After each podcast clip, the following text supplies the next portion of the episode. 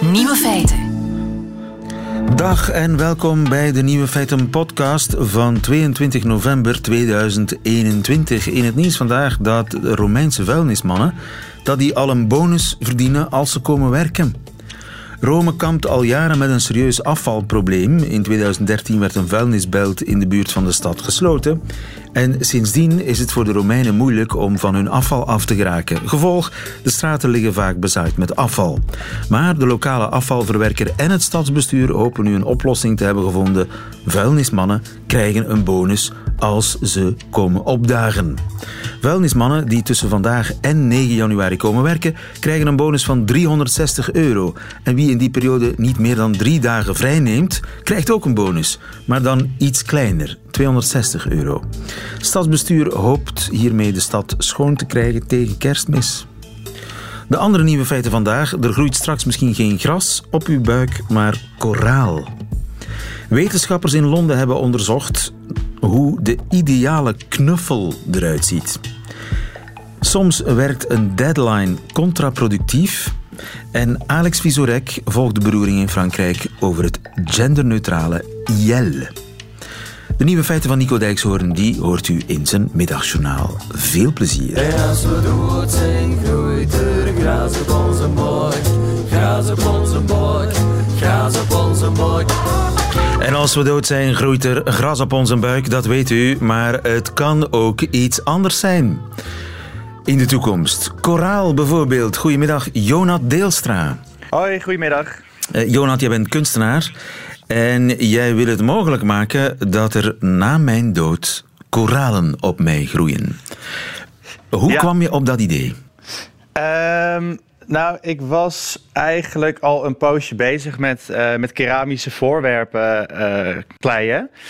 En toen was eigenlijk een van, die, eh, van mijn sculpturen, die, daar, daar was een paard op te zien. En toen was het paard van mijn moeder overleden. En toen dacht ik, van, nou, die, eh, die zou eigenlijk prima in dat sculptuur passen. En welke Dus vorm had dat sculptuur? Eh, nou ja, van, van onder een soort ei en, en bovenop stond dan een keramisch paard. En in dat ei is, eh, is dat, het as dus gegaan.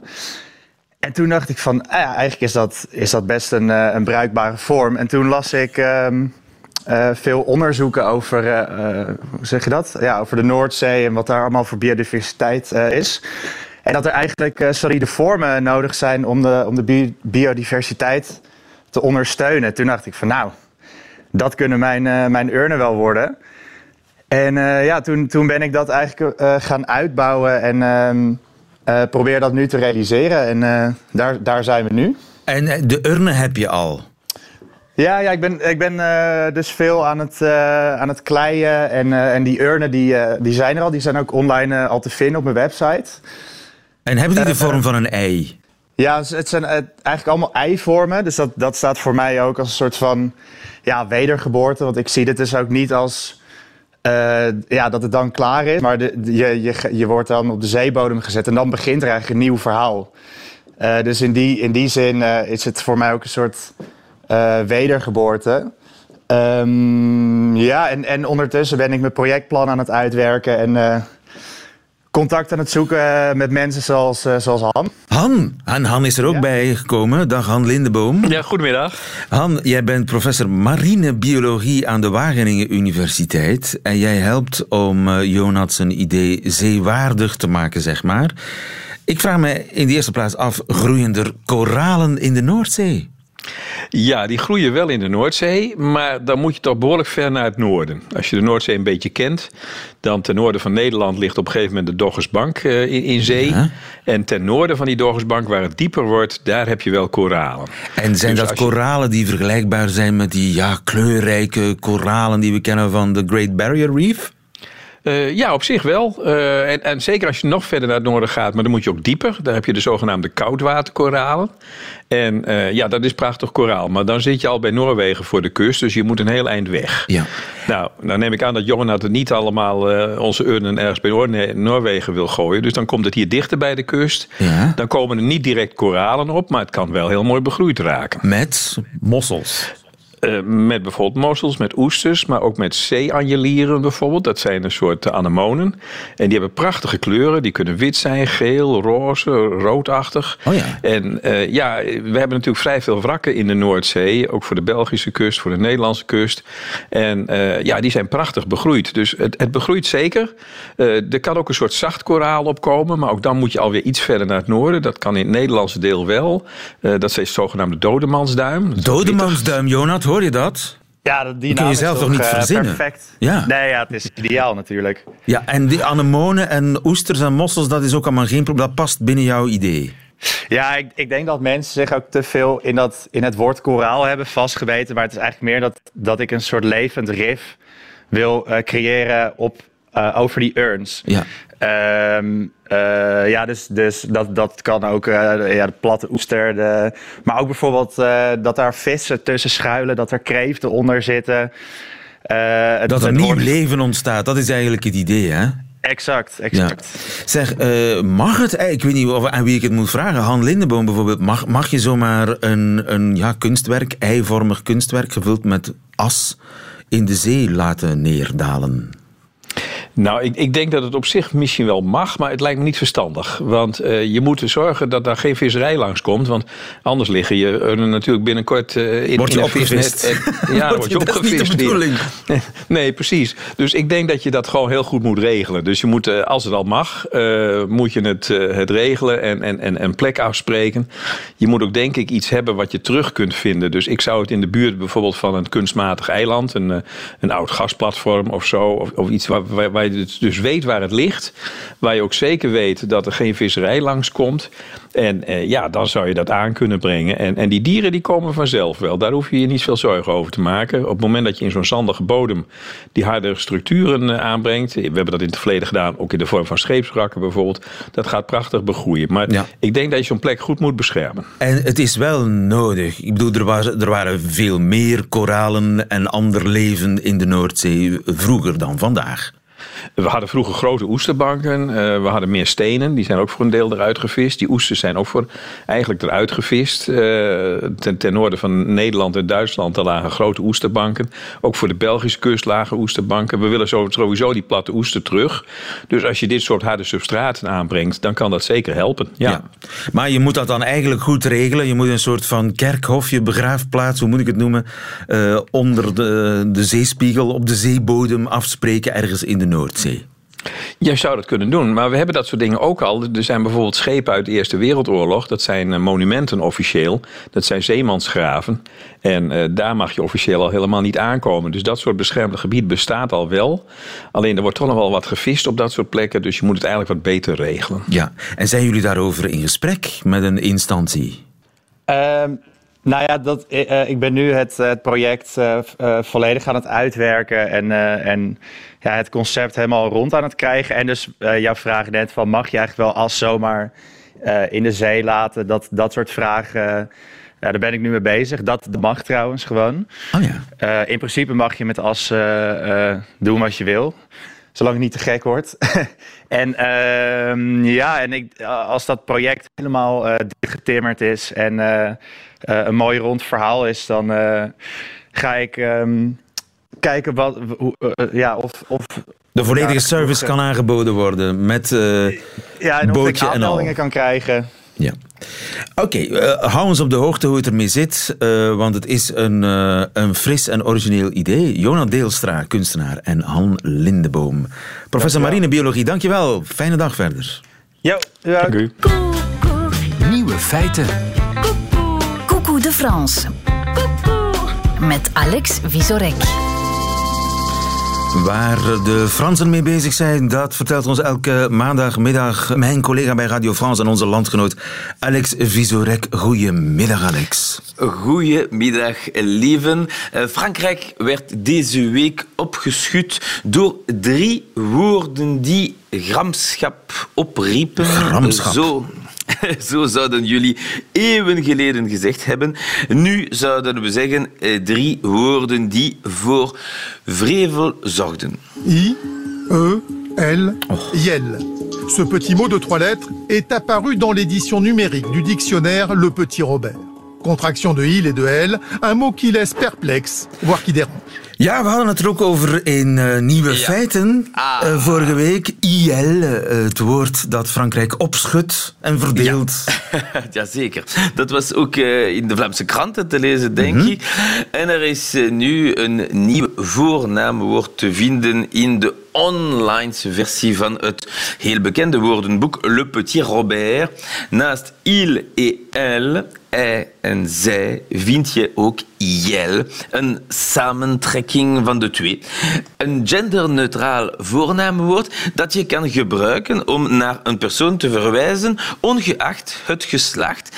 En dus voor mensen die zich als non-binair identificeren. Een kleine stap voor de mens, maar naar het schijnt een te gigantische sprong voor de Franse taal. Elke keer is het hetzelfde verhaal. Bij elke aanpassing van de taal vind je mensen die niet akkoord gaan. Le massacre de la langue française. Il a rien d'autre à dire. Le massacre de la langue française. Het ja, vermassacreren van de Franse taal.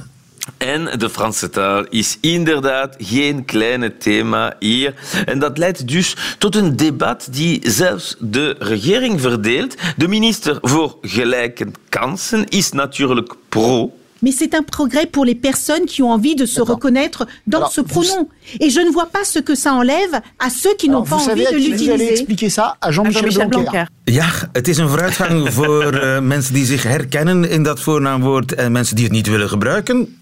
Geen probleem, je gebruikt het niet. Ja, je verliest ook niks. Wat zei de journalist op het einde? Zegt dat maar aan Jean-Michel Blanquer. Want Jean-Michel Blanquer is haar collega, de minister van Onderwijs. Maar hij heeft een heel andere mening. Pas triturer la langue française, euh, quelles que soient les, les causes. Hein, les causes les bonnes, par exemple, le féminisme est une grande cause. Euh, mais c'est pas, c'est pas une, c'est pas une cause qui justifie de triturer la, la langue française. Ja, je mag de Franse taal niet tritureren. Ik weet ja, niet, uh, hoe zou je het vertalen? Uh, prutsen, rotzooien? Ja, ja, zo is het goed. Om welke reden dan ook. Ja. Bijvoorbeeld ja. feminisme, nobele zaak, maar niet nobel genoeg om met de Franse taal te gaan knoeien. Niks is genoeg om met de Franse taal te gaan knoeien. En uh, waarom komt ook het feminisme aan bod? Want dit debat situeert zich in een bredere polemiek. Je trouve qu'on est en train de, d'utiliser les enfants comme des cobayes de, de, de, cette, de, de ce wokisme. Ce wokisme. Kinderen worden gebruikt als proefkonijnen door de, de wokers. Ja, met een Frans accent klinkt het meer als wokisme. Niet uh, te verwarren met een uh, liefde voor Thaise keuken. uh, het woord wokisme wordt vaak door tegenstanders geplakt op inclusief taalgebruik. En sinds een, paar jaar zijn de geesten precies al gespannen rond l'écriture inclusief. Als je een beetje Frans kent, weet je dat het Frans wel een mannelijke taal is. Mannen zijn il en de vrouwen zijn. Maar als je wilt verwijzen naar een groep met tien vrouwen en één man, zal je toch wel een meervoudige il gebruiken. Aha. De bedoeling van l'écriture inclusief is dus om vrouwen terug een plaats te geven in de taal. Met inclusief taalgebruik worden tien vrouwen en één man beschreven met elle et il. Of als je open geest hebt, elle et il et jel. Ja, zeker. Eh, zeker. Ook beroepsnamen worden geciteerd met een mannelijke en vrouwelijke versie. Uh, ooit sprak je alleen maar van les auteurs. Nu is het les auteurs et les autrices. Le directeur et la directrice. Les peintres et les peintresses. Charles de Gaulle gebruikte al een klein beetje inclusief taalgebruik door zijn speeches te starten met... Française, Français. Ah, voilà. De Gaulle is ermee begonnen. Ja, en de comedian Pierre Desproges lachte daarmee door de Belgen eraan toe te voegen. Française, Français, Belge, Belge.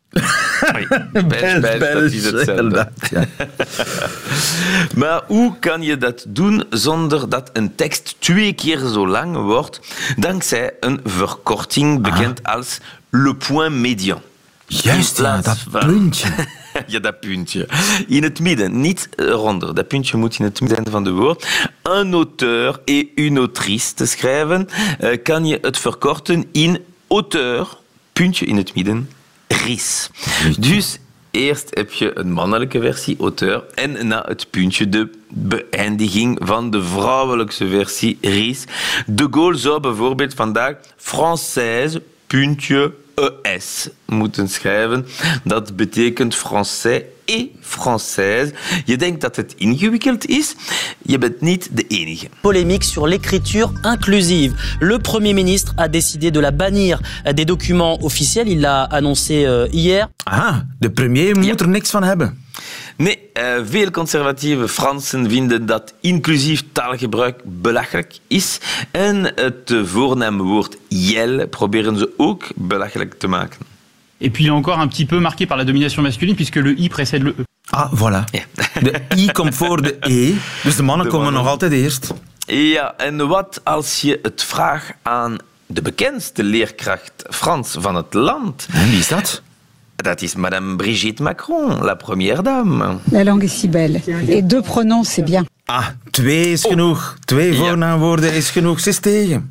Voilà, je hoort het dus heel veel gedoe rond drie kleine letters. Een ding is zeker, het debat in Frankrijk is zeker inclusief, want iedereen is betrokken. Zelfs mijn collega satirische zanger Frédéric Fromet, die een heel bekende Franse liedje heeft aangepast. J'ai encore rêvé d'elle. Revediel. Je n'ai rien Yeah. fait pour ça. Zeg maar Alex. Ja. Est beau of est belle? Of elle, est biel? Jel est bello. Bello? Ja, het begint vrouwelijks en het eindigt mannelijks. Bello. Et Iel est content of content? content.e. Content. Maar wel, hoe zeg je dat? Ah, je- ah, je, je moet het niet zeggen, je moet het schrijven. Ah, en als je het zegt, is het... eh, oh. Eh, contente, denk ik. Contente. Want, eh, ja, dan, dan heb je iedereen erin. Le content als mannelijk en le contente als vrouwelijk. Even pauzeren voor de te. Content te. Ja. Jelle content te. Te, ja, ik Misschien- denk dat het zo is. Ja, maar misschien- ik spreek het nog niet goed genoeg.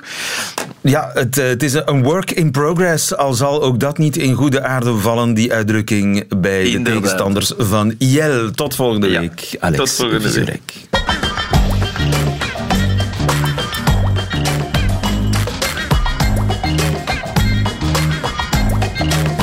Nieuwe feiten. Je zou denken dat niets zo effectief is tegen uitstelgedrag als een deadline. Maar nee hoor, het werkt niet. Sterker nog, een deadline heeft soms het omgekeerde effect. Blijkt uit een experiment in Nieuw-Zeeland. Matthias Celis, goedemiddag. Goedemiddag, lieve. Je bent psycholoog en gedragseconoom. Eh, het zijn onderzoekers van de Universiteit van Otago, of Otago, ik weet niet wat ik moet zeggen, in Nieuw-Zeeland in elk geval, die het effect hebben getest van een deadline. Ja, ze hebben eigenlijk echt gekeken naar de, de impact van deadlines op de mate waarin mensen een bepaalde taak afwerken. Zo hebben de onderzoekers gedaan, ze hebben een, een dikke 3000 deelnemers, een representatieve groep voor de bevolking, een, per brief uitgenodigd om een online vragenlijst over liefdadigheid in te vullen. Ja. En in ruil voor die deelname z- zouden ze een donatie van 10 euro voor eh, hun deelname kunnen storten aan een goed doel. Eh, dus het was een beetje een altruïstisch experiment. Ehm, Hadden ze daarvoor een deadline? Ja, dus, maar het ging niet zozeer over de inhoud van de vragenlijst, maar wel over die deadlines effectief dat eh, deelnemers kregen om de vragenlijst in te vullen. De, de participantenpoelen werd eigenlijk opgedeeld in drie groepen. Groep 1 die kreeg eh, één week de tijd om de enquête in te vullen. Groep 2 een maand. En de derde groep die kreeg geen expliciete deadline om te antwoorden. Aha, en dan om te kijken, eh, heeft die deadline effect op de snelheid waarmee geantwoord wordt? Ja, en ook gewoon de, de- niet, niet alleen de snelheid, maar ook de mate waarin mensen antwoorden. Ah ja. Ehm, dus uit, uit eerder onderzoek weten we namelijk dat hoe, hoe meer tijd mensen hebben om een taak te voltooien, hoe lager het percentage ingevulde vragenlijsten gewoonlijk is. Dus je zou kunnen zeggen dat eh, responsen lineair of monotoon afnemen met de lengte van de deadline. Oh, dus het is eigenlijk zo dat een deadline soms niet werkt. Uh, ja, eigenlijk hoe verder in de tijd, hoe minder kans uh, dat je meer mensen in je pool terecht uh, krijgt. Ja, en dan is het natuurlijk interessant om te weten, is er een verschil tussen de verre deadline, dat was een maand geloof ik. Als Ja. je, je hebt een maand de Ja, tijd. En de groep die geen deadline kreeg. Ja, het was eigenlijk een, een best wel verrassende resultaten. Dus ehm, de respons was het laagst in de groep die een maand de tijd kreeg. Dat was het, een 5,53 procent die deelnam aan de enquête. De, de, de andere groep die een week kreeg, dat was het iets hoger, dat was het 6,59 procent. En de groep zonder deadline, heel verrassend, want daar zou je verwachten dat die mensen eh, veel lager scoren. Dus dat je daar veel minder respons krijgt. Maar daar hebben we eigenlijk de hoogste eh, returns, daar hebben we 8,32 procent. Dus geen deadline werkt zelfs beter dan een korte deadline. Ehm, ja, in, de- in, in dit scenario wel, ja. Maar ik, het, is, het is een belangrijk om de, de context en de kanttekeningen van dit specifieke onderzoek wel mee in, in rekening te nemen en dat niet zomaar te gaan eh, veralgemenen naar eh, de, de brede populatie en de, de brede eh, situaties. Ja, want jij zou verwachten een korte deadline werkt wel. Ehm, ja, sowieso. Ehm, ja, het, het is iets dat we echt al lang onderzoeken. Hè. Dus die, dat lineaire patroon van hoe meer tijd mensen hebben om een taak te voltooien, hoe lager percentages ingevulde vragenlijsten. Dat is iets dat ik als onderzoeker bijvoorbeeld wel belangrijk vind als ik een enquête wil uitsturen morgen. Ja, wat zet ik op die brief? Hè? Is, is het eh, vul alsjeblieft de enquête in voor woensdagavond eh, over één week of over een maand of zet ik geen deadline? Ehm, dat is wel belangrijk om te weten van oké, ja, eh, hoeveel percentage van de, de participanten gaan effectief deelnemen. Maar hoe dan ook, een deadline van een maand, dat werkt contraproductief. Ja, ja. En wat is daarvan de verklaring, of daarvoor de verklaring? Ehm, ja, ik, denk dat het in deze situatie voornamelijk ook een... een eh, het, belangrijkste hier is dat de, de heel verre deadline, dat is hetgeen dat het allerverbazendste is aan deze studie, is dat daar juist veel meer mensen hebben. Eh, Een, deadline van een maand, dan denken mensen, oké, ja, ehm, het is allemaal niet zo dringend. Hè.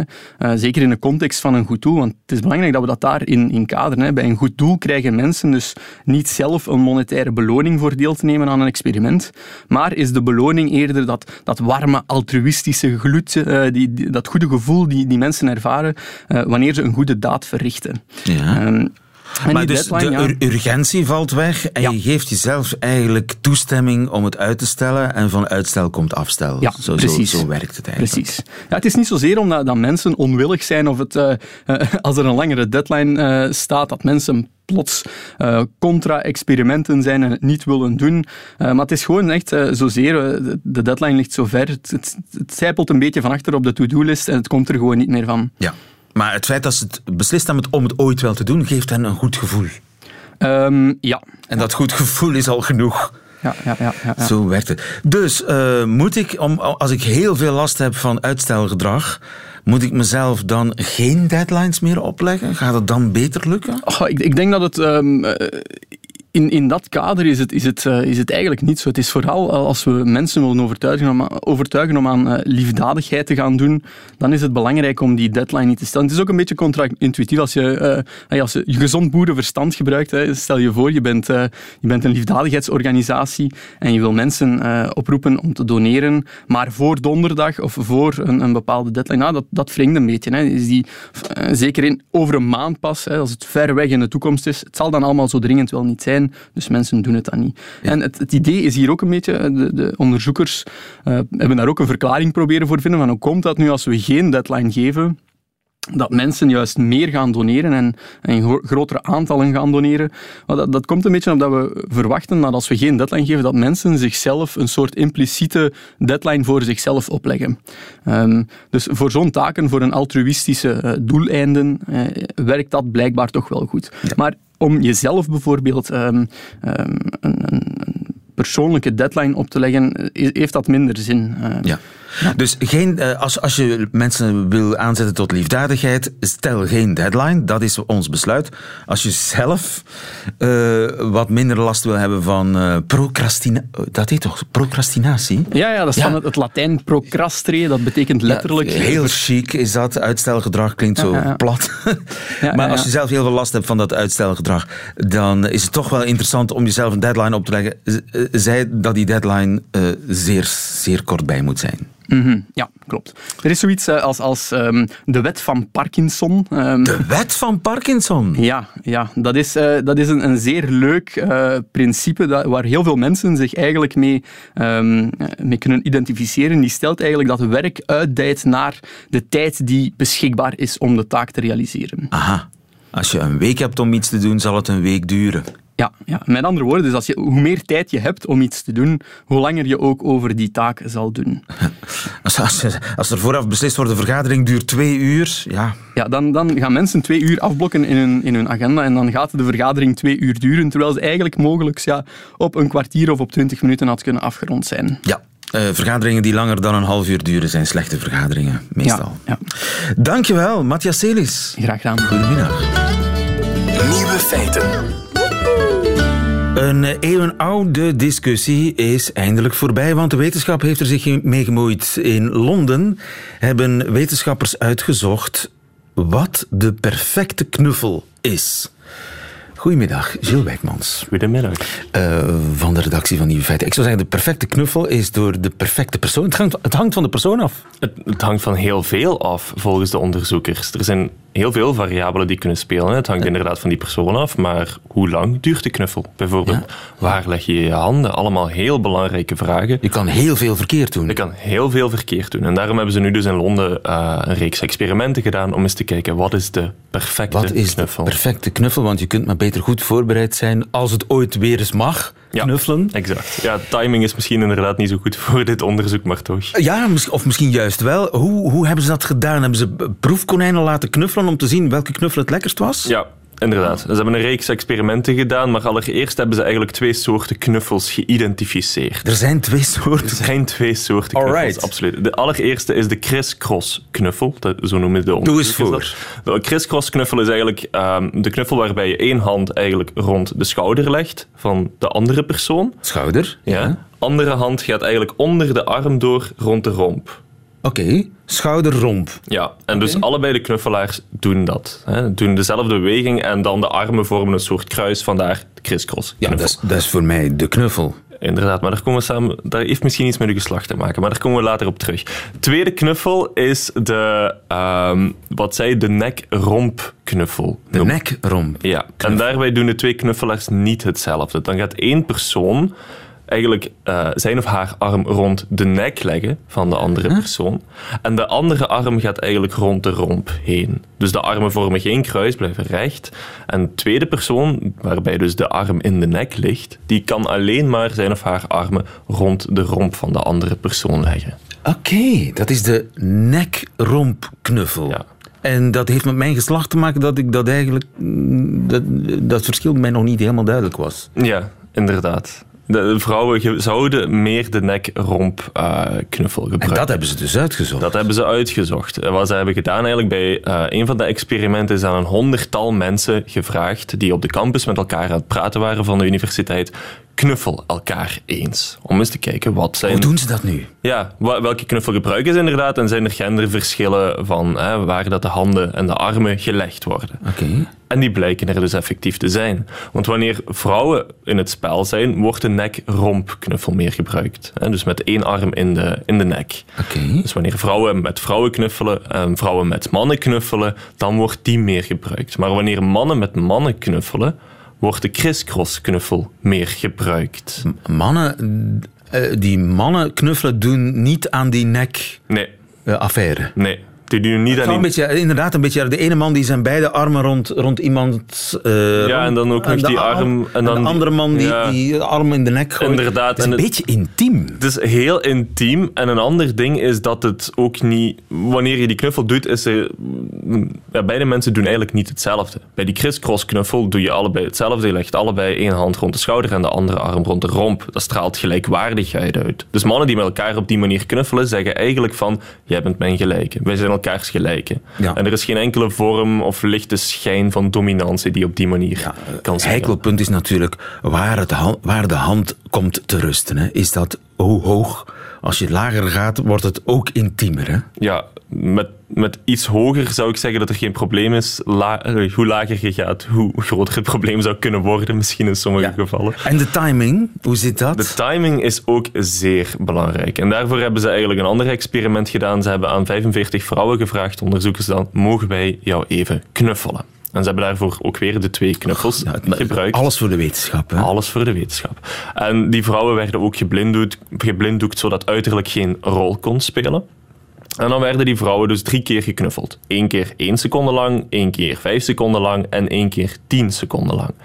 En dan bleek dat de ideale knuffel tussen de 5 à 10 seconden duurt. Ik noteer het even, tussen de 5 en de 10 seconden. Tussen de 5 en de 10 seconden. De knuffel van 1 seconde was het minst aangenaam en was ook het meest ongemakkelijk, zeiden de proefpersonen. De knuffels van 5 en 10 seconden, daar was eigenlijk weinig verschil uh, tussen. Dus het maakt niet per se uit of je iemand 5 of 10 seconden knuffelt of iets daartussen. Beter iets te lang dan te kort. Ja, het plezier daarvan is, uh, is even groot. Um, er was wel een groot verschil bij de 10 seconden knuffel qua knuffelstijl. Wanneer er lang werd geknuffeld, dus 10 seconden lang geknuffeld, dan was dan weer de nek-romp knuffel het populairst. Want dan die crisscross knuffel werd na 10 seconden toch wel heel ongemakkelijk. Als er een groot hoogteverschil is, ja, dan moet je zo gaan met je armen rond iemands schouder, die dan misschien 30 centimeter hoog, groter is. Dat, dat was heel ongemakkelijk. Dus wanneer er een groot hoogteverschil is en je wil iemand lang knuffelen, arm best rond de romp als je de kleinere persoon bent. Maar dus samengevat, het hangt een beetje van het geslacht af. Vrouwen hebben een voorkeur voor de nekknuffel. Ja. Mannen doen eerder aan de uh, schouderknuffel. Ja, exact. Krisknos knuffelen. Ik heb iets bijgeleerd. En de ideale knuffel duurt ongeveer tussen de 5 en de 10 seconden. En de druk, ja, dat hangt een beetje af van de, stevig, de stevigheid van, van uh, de Hoe breed de persoon die voor Hoe breed de persoon is. Ik denk, eerlijk gezegd, dat Solomon Burke wel tegen een stootje kan. Ja, die, die kan je wel stevig knuffelen. Kom op, Solomon. Doe het. Hey.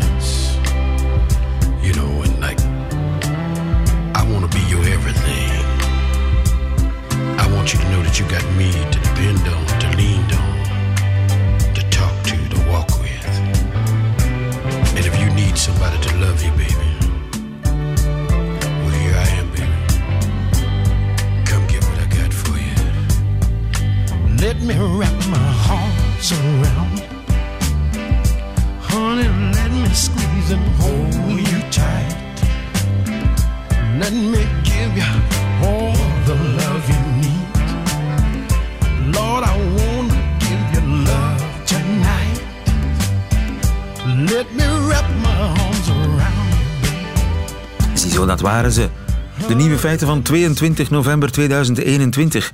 Alleen nog die van Nico Dijkshoorn krijgt u in zijn middagjournaal. Nieuwe feiten. Middagjournaal. Beste luisteraars, het is misschien een beetje raar om het hier te zeggen, maar ik zou zo graag iemand zijn die zich kan verliezen in complottheorieën. Mijn leven zou zoveel makkelijker worden. Alles wat mij overkomt en alles wat ik niet begrijp, dat ligt dan niet aan mijzelf, maar aan anderen.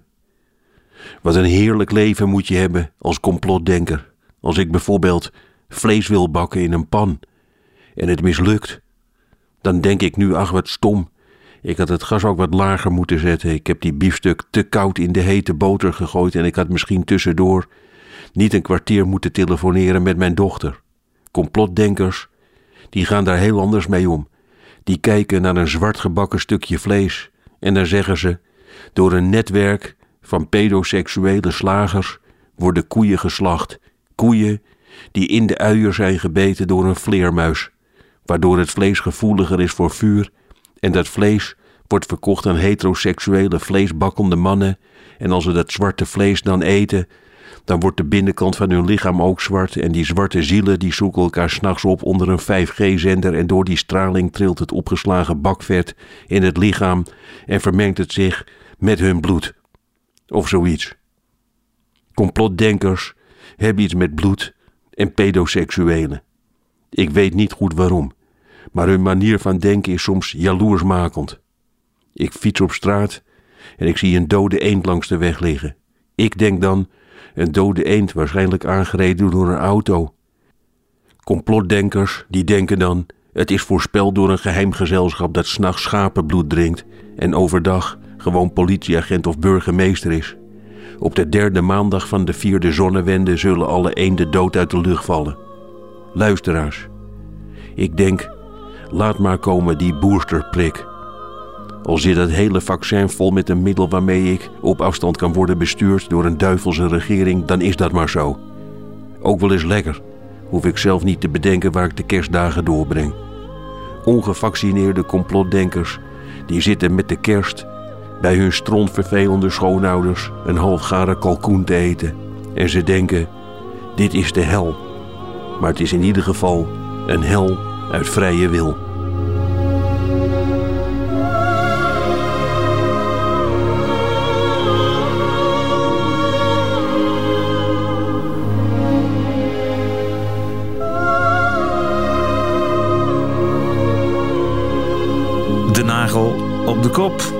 Nico Dijkshoorn in het Middagjournaal. Einde van deze podcast. Hoort u liever de volledige nieuwe feiten met de muziek erbij? Dat kan natuurlijk live, elke werkdag tussen 12 en 1 op Radio 1. Of on demand via de Radio 1 app of de Radio 1 site. Tot een volgende keer.